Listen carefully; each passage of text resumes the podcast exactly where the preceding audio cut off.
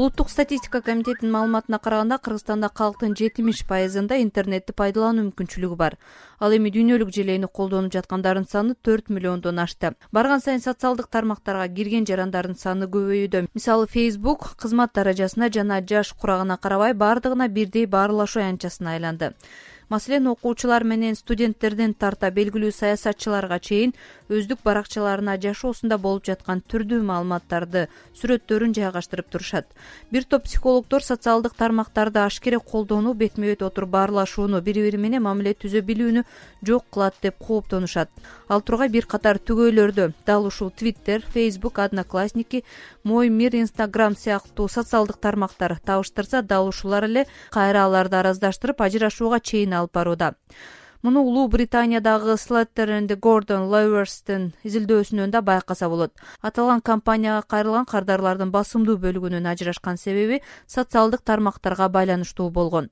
Сурамжылоонун жыйынтыгына караганда ар бир жетинчи британиялык түгөйүү убактысын көбүрөөк социалдык тармактарда өткөргөн үчүн ажырашуу тууралуу ойлонгонун айтышкан. Ал эми сурамжылоого катышкан жубайлардын жыйырма беш пайызы жок дегенде жумасына бир жолу социалдык тармактардын айынан кайым айтыша турганын белгилешкен. элүү сегиз пайызы аялы же күйөөсүнүн паролун биле турганын жана анын кимдер менен сүйлөшүп мамиле түзүп жатканын көзөмөлдөөгө аракет кылышаарын белгилешкен. Ааламдашуу маалында ушундай эле маселе кыргызстанда деле кыйгап өткөн жок. Бош отурганда эмес чай үстүндө эки бурчта телефонун чукулап отурган жубайларды кездештирүүгө болот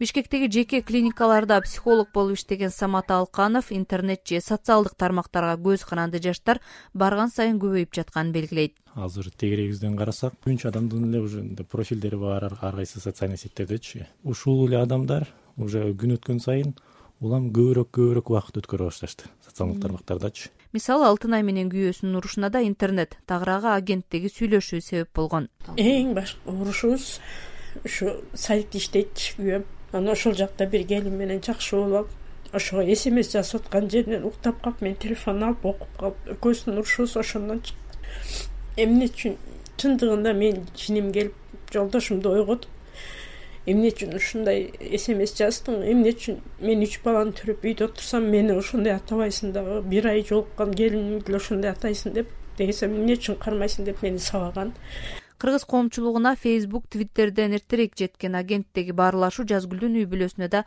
таасирин тийгизиптир бир классташым менен сүйлөшүп э, ал берген суроолорго жооп берип кыскасы ачык сүйлөшкөнбүз анан аны менин жолдошум окуп калып ортодо келишпестиктер болуп кызганычтын айынан э, таарынычтар болуп бир топко чейин эми ошо кичинекей нерсе үчүн үй бүлөнү бузбайлы деп экөөбүз тең бири бирибизге убакыт берип жүрдүк. Анан бир күнү өзүнүн телефонунан дагы окуп калып окуп калдым. Ал дагы бир э, мурунку сүйлөшкөн кызыбы же классташыбы э, сүйлөшкөн кат жазышканын окуп калып анан менден өч алгысы келдиби же кандай деген тыянакка келип эле анан унчукпай калдым психолог алкановдун белгилешинче көп жубайлар үйдөгү проблемалардан качып же аны унутуш үчүн социалдык тармактарга кирерин белгилейт. Бирок бул маселени чечкендин ордуна ого бетер күчөтүп жибериш ыктымал. Анан социальный сеттерге кире баштаганда мындай башка жашоого киргендей болуп калат да.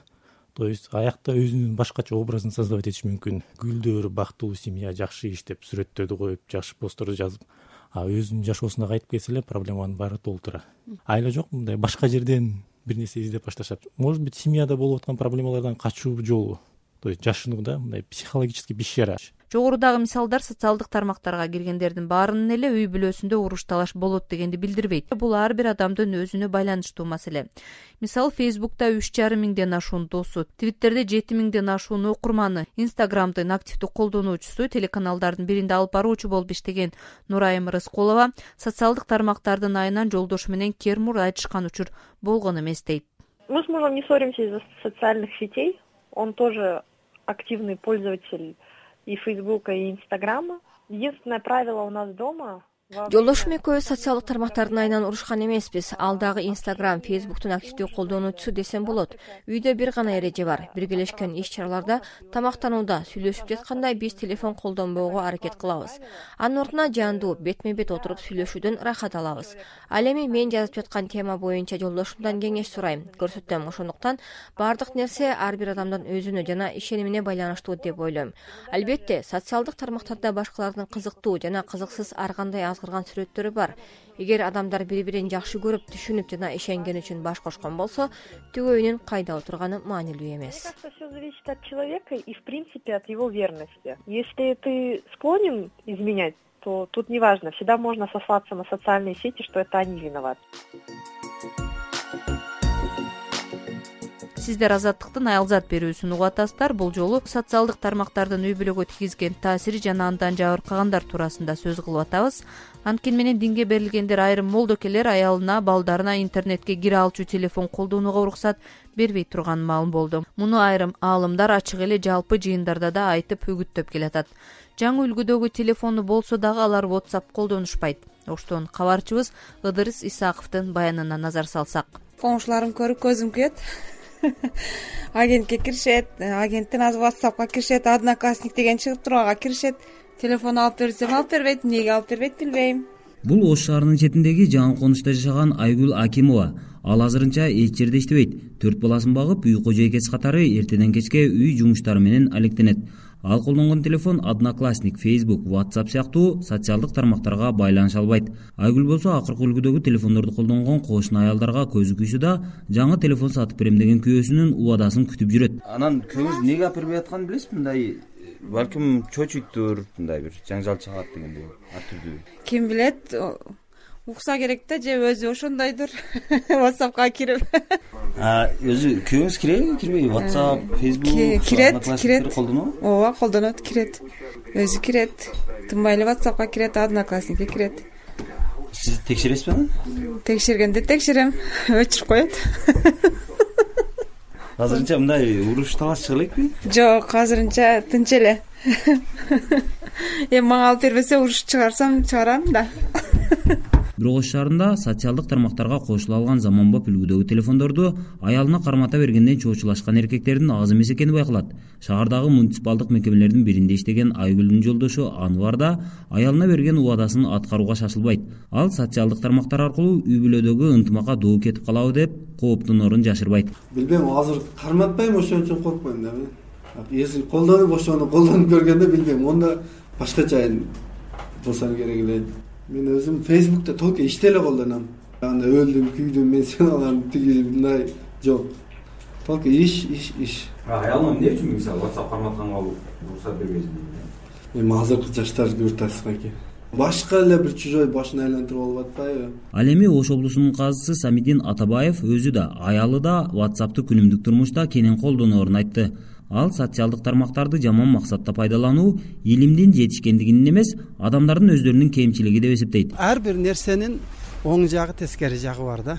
Э, китептин деле жакшы жазылган адамды тарбиялай турган китептер да бар буза турган китептер да бар.